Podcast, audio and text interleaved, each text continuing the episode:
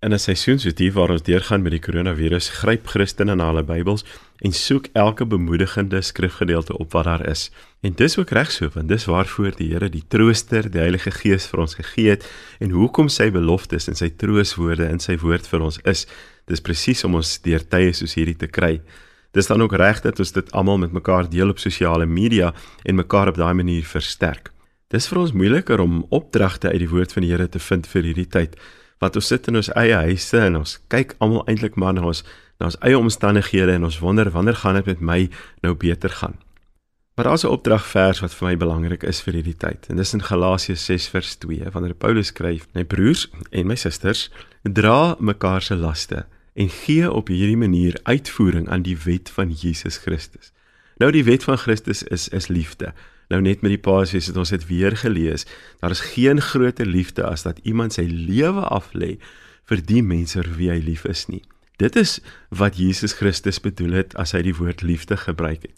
En nou sê Paulus, ons gee uitvoering aan daardie wet van Christus. Christus se groot opdrag wanneer ons mekaar se laste dra. En nou moet ek en jy wonder hoe doen ons dit in 'n tyd soos die? En nou kan ons maar net vir mekaar sê mense het primêr drie soorte laste: geestelik, emosioneel en fisies.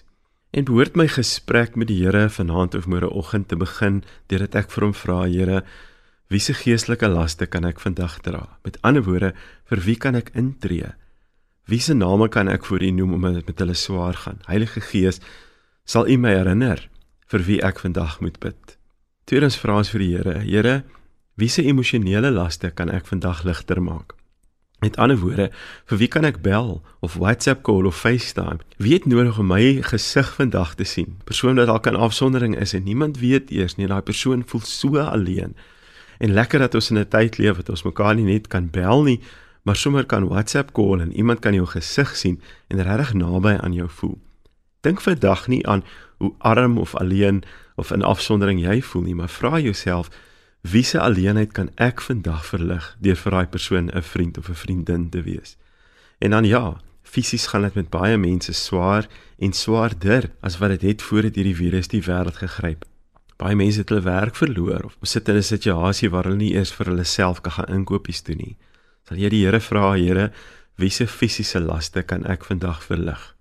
Jy sien die wet van Jesus Christus gaan net oor een ding en dit is dit gaan nie oor myself nie.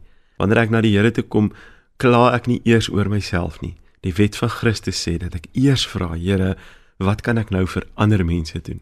Kom, ons wees die kerk van Jesus en kom ons dra mekaar se laste.